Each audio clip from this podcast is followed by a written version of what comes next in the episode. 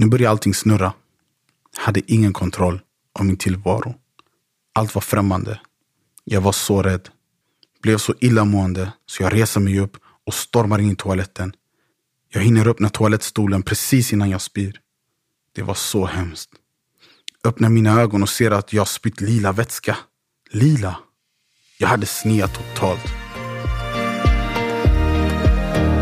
Det här är Wow Community Podcast. Alla har en story med Isak Abraham.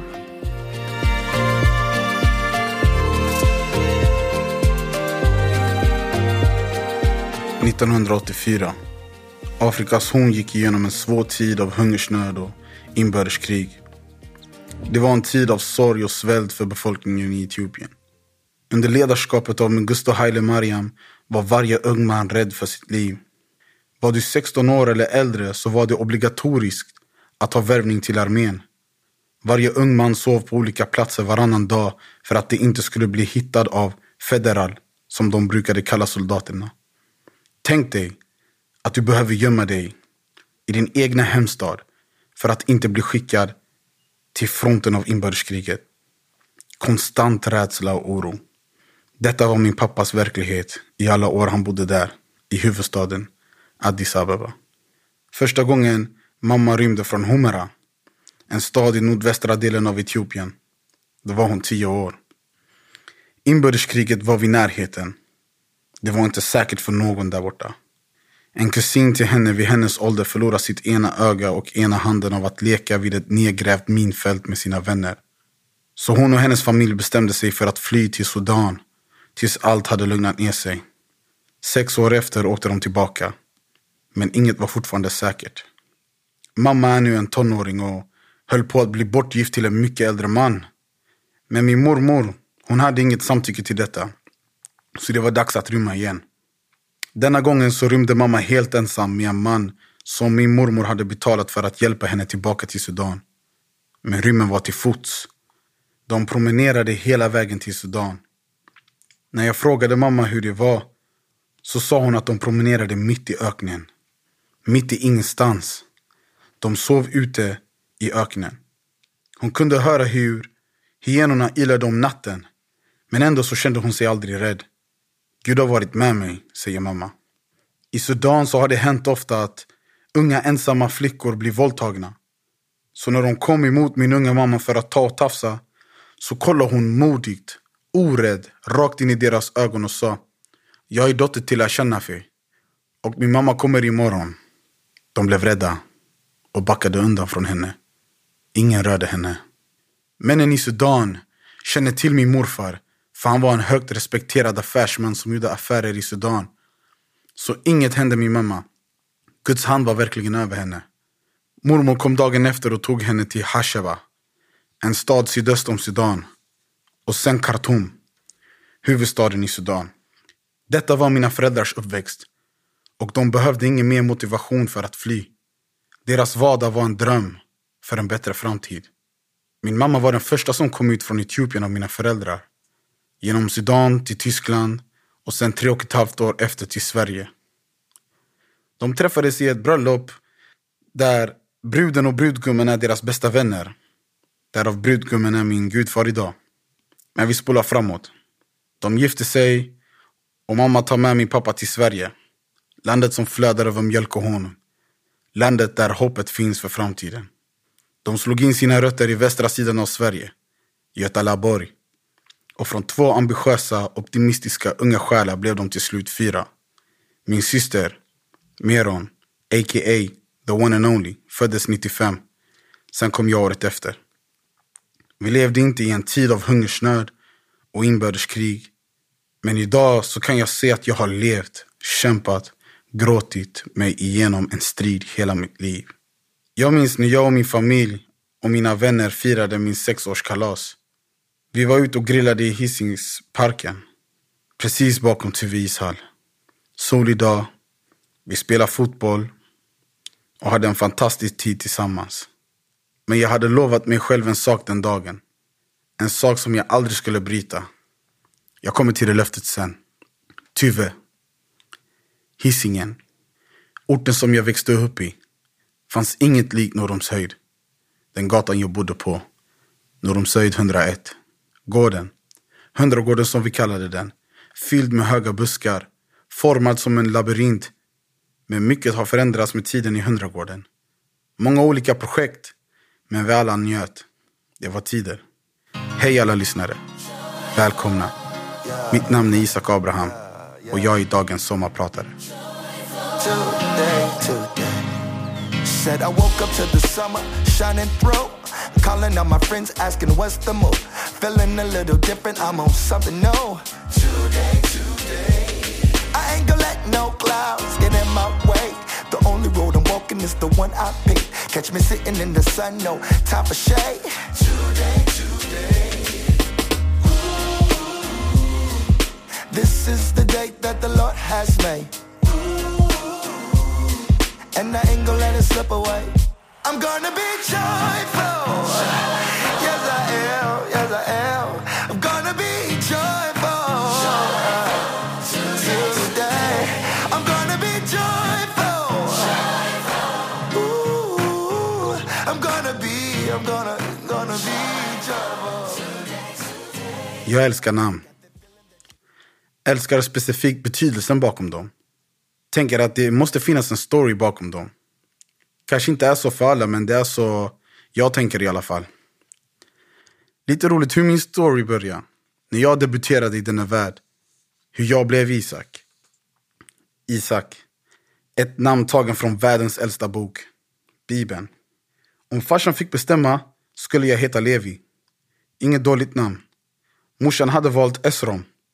Annorlunda, men jag gillar det. Fick det namnet som mellannamn så jag är nöjd. Men nej, det var inte mina föräldrar som döpte mig till Isak. Det var gudagivet. Jag kan låta lite högmodig men jag hoppas du förstår snart vad jag menar. Det som är så roligt med hur jag fick namnet Isak har en koppling med min födelse. Den är ganska lik som berättelsen om Abraham och Sara i Bibeln.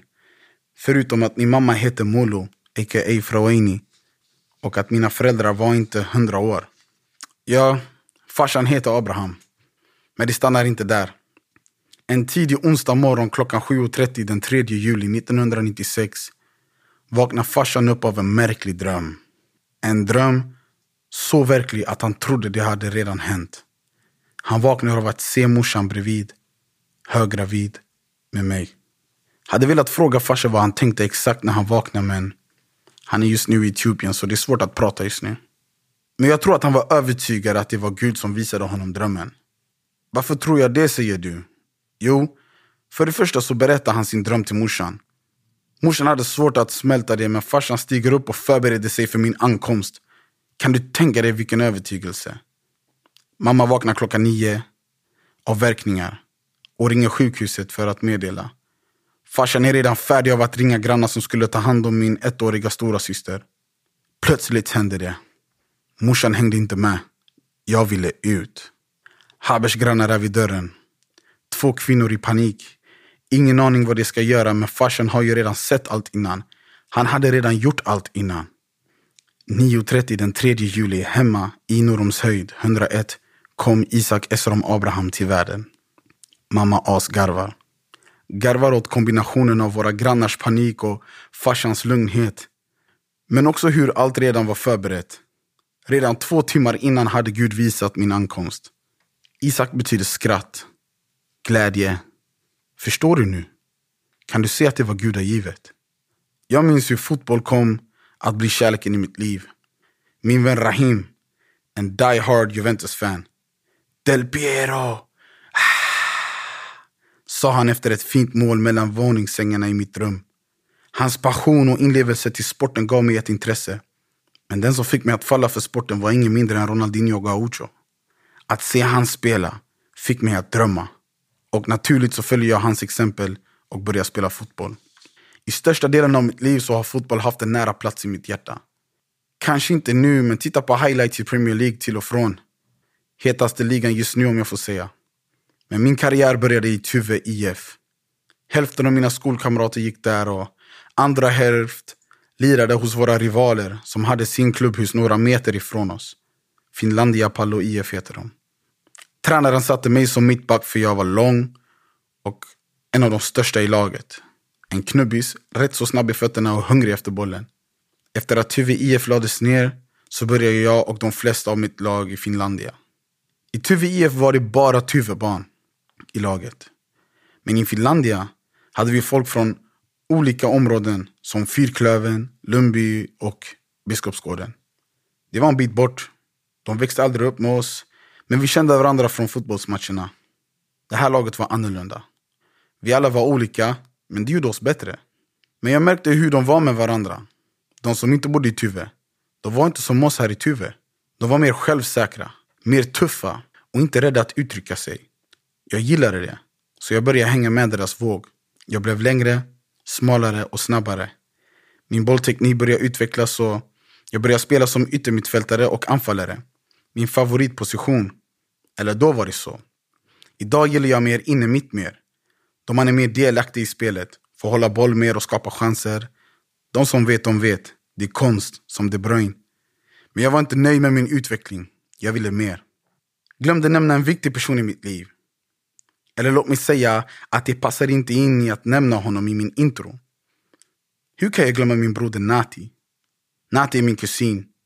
Min farbrors son som flyttade in hos oss när jag var cirka 10-12 år gammal. Hade alltid velat ha en bror.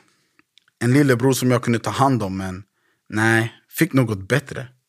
Ingen har fått mig att skratta som min storebror Nati. Så många minnen vi har. Han är guld. Nati spelade fotboll med mig i Tuve IF, men bytte också lag när det lades ner. Men inte till Finlandia. Han gick i en skola som heter Brunnsbo, som låg i området Backa i Göteborg. Som råkar ha Hisingens bästa fotbollslag. En av Göteborgs bästa ungdomslag, Hisings Backa FC. Om jag får vara partisk då. Färgerna på tröjan var svartvita och märket var exakt som det gamla Juventus-märket. Det fick mig tänka på min vän Rahim. Jag hade ju mött dem flera gånger i Tuvevallen eller i Backavallen. Och varje gång vi mötte dem så var det krig. De var så grymma. Och de gjorde alltid allting med stil. Så jag valde att börja i laget HBFC. I Finlandia hade vi tre tuffa grabbar. Det var enkelt att smälta in och följa efter. Men här så var hela laget så. Alla i laget i HBFC hade vuxit upp med varandra, gått i dagis med varandra, spelat fotboll med varandra i flera år. Jag hade ändå några vänner i laget, en vän från min skola. Naturligt så höll jag mig nära min vän och han tog hand om mig. Fenestra Sankt Jörgen, den skolan jag gick i, där fick jag lära känna mer människor runt om i Göteborg. Speciellt från Backa. Så det tog inte lång tid för mig att göra mig bekant med alla andra i laget. Nivån där när det gäller dina färdigheter var jättehöga. Av tränaren men också bland spelarna. Det som chockade mig var att i denna enade lag som hade en av de bästa kemin i Göteborg så fanns det grupperingar. De elitspelarna hade sin grupp och reservspelarna hade sin. Alla tog hand om alla, men det fanns ändå grupperingar. Mina ambitioner var eliten, jag ville bli proffs och ville vinna allas hjärtan i laget. Så när jag började hänga utanför fotbollsplan i området så blev jag omfamnad av alla. För jag var en spelare i HBFC och jag började utvecklas och bli bättre. Började starta ibland och hoppa in i matcher. De såg min hunger, men kände mig fortfarande lite utanför. De flesta i laget hade samtalsämnen som jag inte kunde relatera till.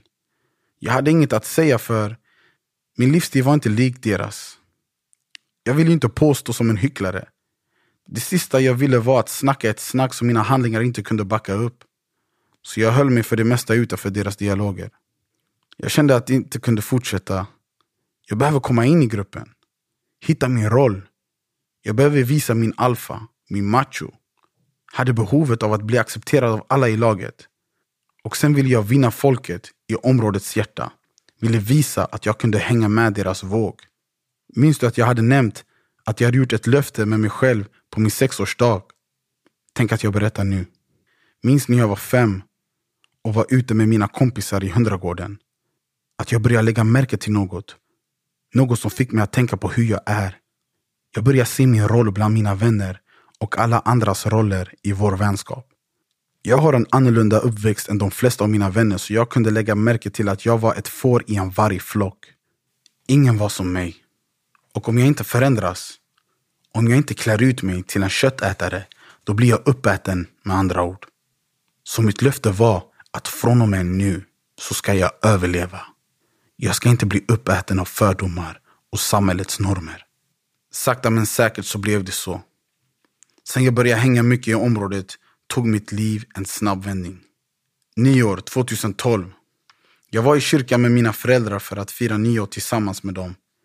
Åtminstone för en liten stund, för mina tankar var någon annanstans. Jag hade planerat ett nyårsfirande med mina vänner, så jag väntade tills tiden var inne för mig att åka från kyrkan. Klockan var nu 21.00, så det var dags att åka. Pussade min mamma hej då och nu jag var på väg till mina vänner. Den dagen blev jag exponerad av tunga droger. Jag hade testat dricka någon gång innan. Men denna hemmafest så fanns det äldre grabbar som hade en massa droger. De erbjöd mig att röka. Men jag var redan hinkad. Var redan helt full av vodka och cider. Men samtidigt så tänkte jag, nu måste jag visa att jag kan också vara en badman. En kille som klarar av pressen. En machokille. Det är nu jag behöver visa att jag lever det jag talar om. Och finns inget bättre sätt att visa det när de äldre är på plats. Vi stod i en cirkel vid min kompis altan och körde puff puff pass. Titta på hur de andra gör. Jag som försöker hålla balansen av min fylla ser att holken närmar sig mot mitt håll. Det är så vi kallade den då. Nu var det min tur. Jag har rökt cigarett innan så jag vet hur man ska göra. Blåsa in, ner genom halsen och sen ut. Nästan som att svälja. Men här så höll de röket ännu längre. Mitt första blås gjorde jag fel. Jag var lite rädd. Vågade inte hålla in röken. Jag minns inte vem, men någon sa till mig Håll in den längre, kom igen. Om du inte håller in den, då kan du lika gärna gå bort från cirkeln. Andra puffen gjorde jag samma sak som de andra. Och det kändes som att jag fick en uppercut. En rejäl smäll. Jag hör någon säga Hi Isak, vad vet du om Purple Haze? Alla skrattar. Nu var vi tillbaka till festen. Jag kunde inte stå rakt. Jag dinglade fram och tillbaka och släpade min axel längst mot tegelväggen utanför huset för att ta mig tillbaka till festen. Allt gick i slow motion. Nu skulle vi till en annan lägenhet. Så de bad mig att bära ett flak med cider. Och ett flak med cider är inte så enkelt att bära. Notera att jag är helt berusad av alkohol och påverkad av gräs. Jag kunde inte stå rakt. Så mycket som jag försökte så kunde jag inte. Det var för mycket för min kropp. Jag var 14 år. Det var helt enkelt omöjligt. Jag bad någon att hjälpa mig med flaket med cider. Men de bara garvade och sa, om inte du kan stå för något, då måste du stå för något på något sätt. Alla grabbar i festen var med och la pengar på festen. Jag la också pengar men inte tillräckligt mycket för att få någon hjälp. Ingen var där för att hjälpa mig. Jag var helt ensam, för mig själv. Och nu kunde jag inte be någon om hjälp. För om jag gjorde det igen så skulle jag framstå som en tönt. Nu är vi framme i lägenheten. Och jag är helt borta. Nära till medvetslös. Vi beställde några burgare. Så vi käkade och vi chillade på soffan. Kunde inte ens prata. Nu började allting snurra. Hade ingen kontroll av min tillvaro. Allt var främmande. Jag var så rädd.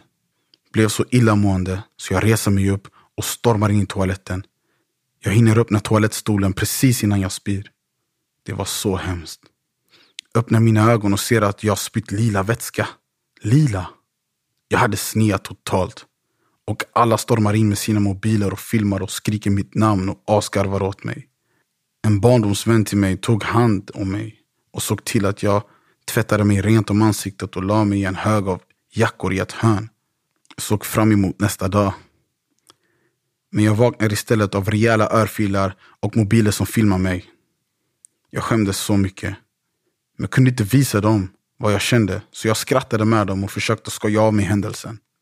Nästa dag på vägen hem så spelade jag gårdagens kväll i mitt huvud om och om igen. Ju mer jag tänkte på hur kvällen gick, desto argare och förnedrad blev jag. Konstigt nog blev jag inte arg på hur de behandlade mig, utan jag blev mer arg på mig själv. Hur? Hur kunde jag snea sådär? Säger jag till mig själv. Jag skämde ut mig själv totalt. Nu tycker alla att jag är en tönt. Jag brydde mig så mycket om vad andra tyckte om mig. Levde på att få mina vänners och mitt umgänges uppmärksamhet. Men allt var jag av rädsla förstås. Jag vill inte bli uppäten av fördomar. Jag vill inte bli en outcast. Så efter en lång stund av reflektion och besvikelse så gav jag mig själv ett löfte. Ett löfte som orsakade mina beslut och formade min framtid. Jag bestämde att från och med nu, den första januari 2012, så ska jag bli bäst på att ta droger. Jag ska inte snea som jag gjorde och vinna allas respekt. För att sammanfatta min vändningspunkt, som 14-årig så började jag använda droger. Och hade inte tänkt att sluta. Nu levde jag inte längre av fruktan för vänners åsikter om mig. Även om det var roten. Det hade gått så långt att jag nu har valt att leva detta liv. Jag ville detta. Under den tiden hade jag flyttat från Tuve. Jag flyttade till Angered. Ett område i Göteborg som är mest känt för kriminella aktiviteter. Men också en årlig festival som arrangeras där. Hammarkullkarnevalen. Angered är jättevackert. älskar Angered. Jag spelade fortfarande fotboll. Älskade sporten. Men hade fått en annan agenda nu. Ett till mål att uppnå. Sakta men säkert så hamnar jag inte bara i användning av droger. Jag börjar nu vara med och sälja alkohol till yngre. Lite ironiskt för jag själv var inte myndig. Höll på med det ganska länge. Testade sälja gräs, men det var huvudvärk för mig. Jag bara missbrukade det till slut. Åren går och nu har jag slutat sneat av gräset och kände att jag vann tillbaka respekten bland grabbarna. Det kanske låter att jag rökte gräs dag in dag ut. Men det stämmer inte. Kunde inte gå påverkat till skolan eller hemma. Dessutom hade jag inte alltid tillgång till det. Men efter studenten så blev det annorlunda. Jag slutade spela fotboll. Valde att ta ett sabbatsår från mina studier. Varje dag var fest. Hemmafest hos någon av grabbarna. Massa alkohol och gräs och brudar. Det året var annorlunda. När jag tänker tillbaka så minns jag hur jag såg ner på människor som hade förlorat sig själv i droger. Jag kunde inte inse att jag var en av dem. Jag och mina vänner brukade ta en paus några månader för att se om vi kunde vara över vårt beroende. Någon gång så höll jag mig i tre veckor. Då var det bra. Vi intalade oss själva att vi inte var beroende av det, fast det var vi. Det blev mer självklart för mig när jag hade rasat ner i vikt. Jag vägde 95 kilo vid studenten. Efter studenten så rökte jag dag in och dag ut. Och vad gräs gör med det, det är att du tappar aptiten. Du vill inte äta. Om du ska äta så behöver du röka. När du äter så äter du en gång och inget mer. Jag gick ner till slut till 75 kilo på cirka 6 månader. Jag gick ner 20 kilo. Denna veckaklocka väckte mig dock inte. Utan nu så hade jag accepterat att jag var en pundare. Att jag var fast i droger. Och det är den jag är. Så många gånger jag har varit på fel plats i mitt liv. Men inte blivit allvarligt fysiskt skadad. Hängde med människor med dåligt inflytande. Jag fick ta del av information om saker jag inte behövde veta från flera områden, för jag hängde lite överallt nu. Nu var det en varm vårdag i Göteborg 2016. Jag var ute med mina vänner. Vi skulle till andra grabbar som var och hängde vid en basketplan. Vi gick dit och det var fullt med grabbar där. Massa bilar med öppna dörrar och musik med högsta volymen. Vi stod i olika grupper. En grupp vid bilarna, en vid trapporna bakom basketplan och resten körde luften med en boll någon tog med. Vi höll på att rulla en holk och vi bara rökte den dagen. Hela dagen.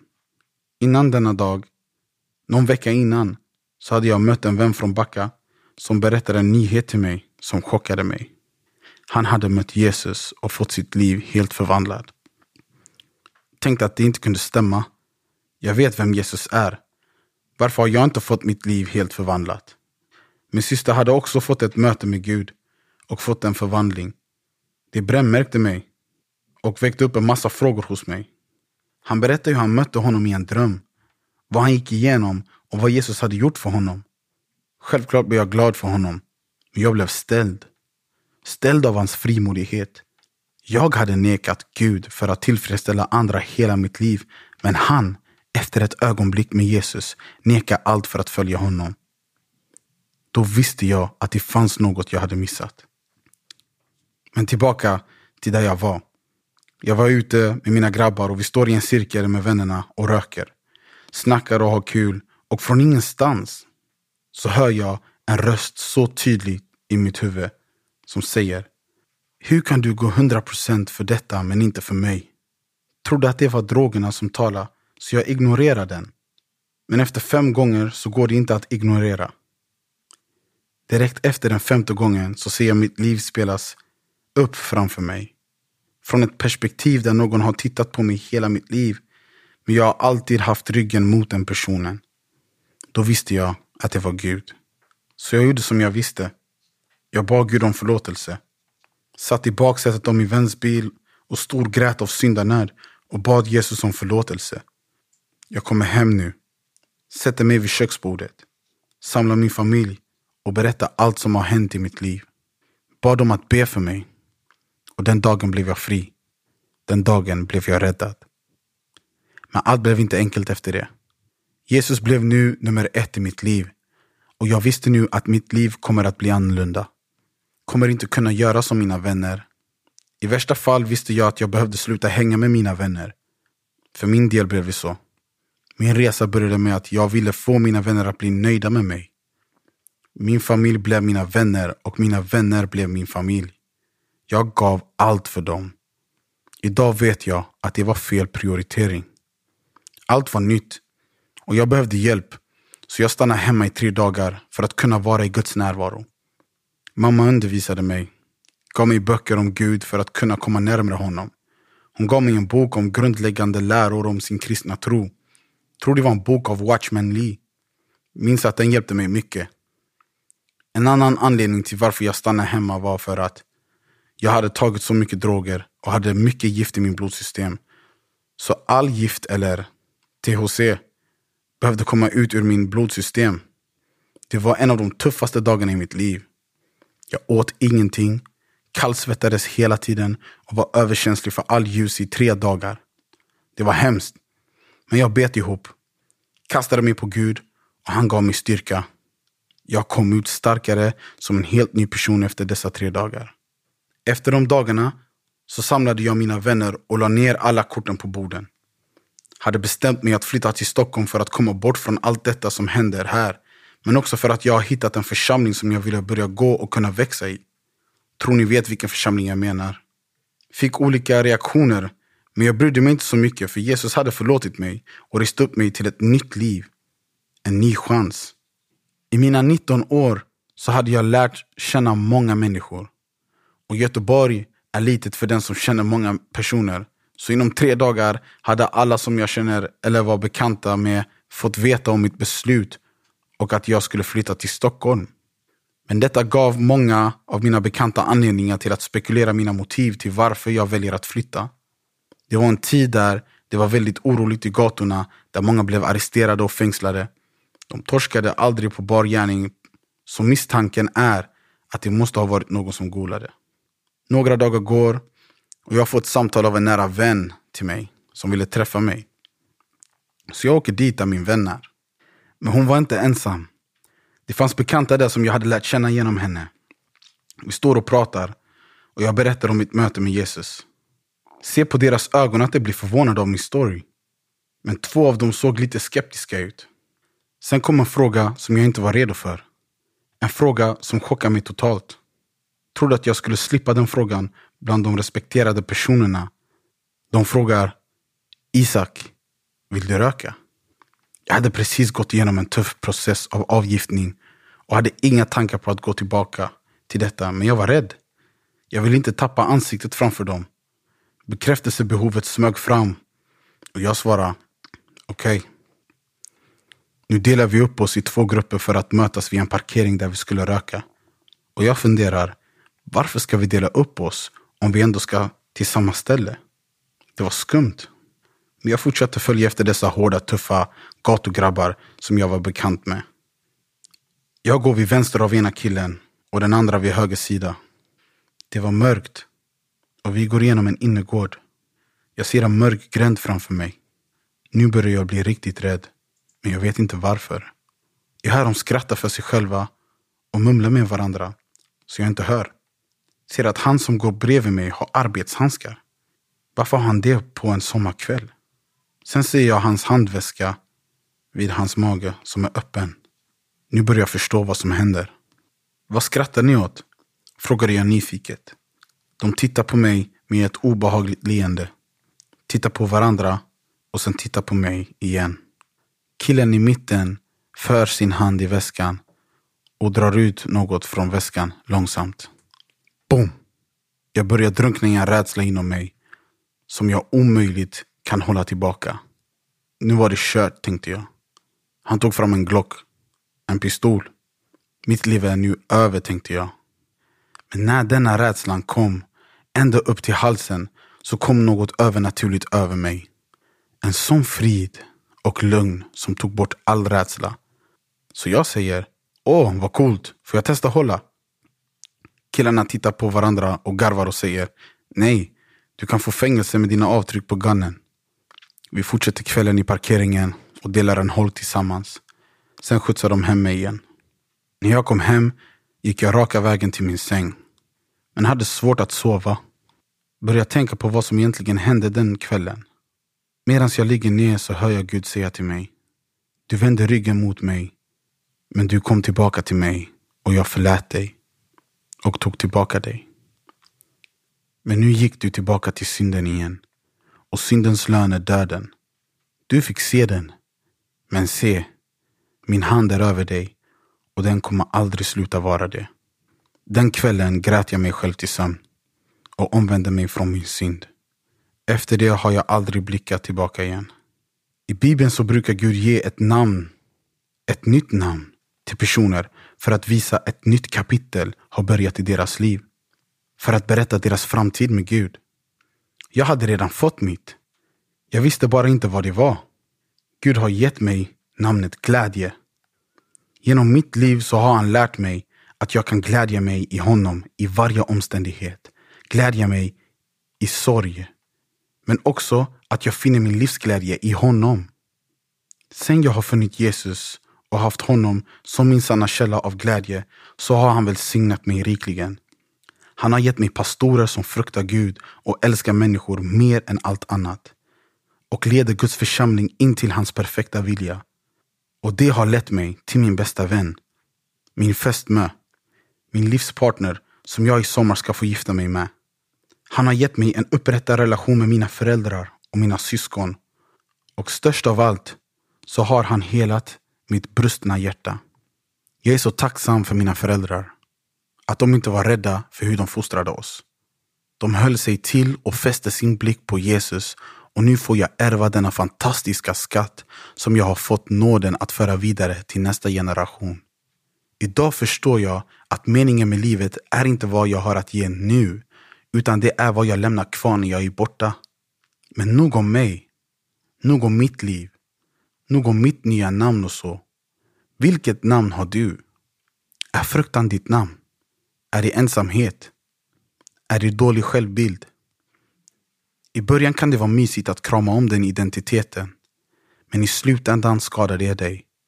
Inte bara dig, utan också allt runt omkring dig och de som kommer efter dig. Det är smittsamt. Det är en sjukdom. Men du kan få ett nytt namn. En ny identitet. Du kan få namnet modig. Du kan få namnet I belong. Du kan få namnet Jag är värdig.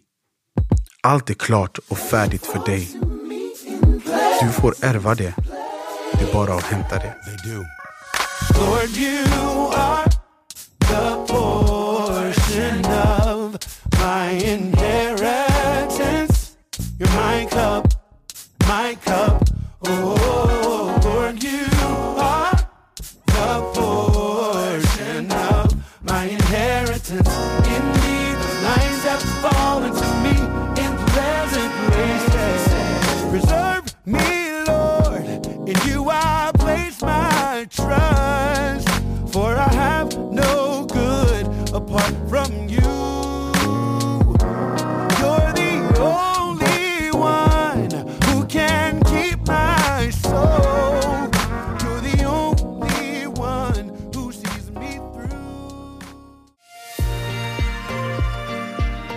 För att du lyssnade.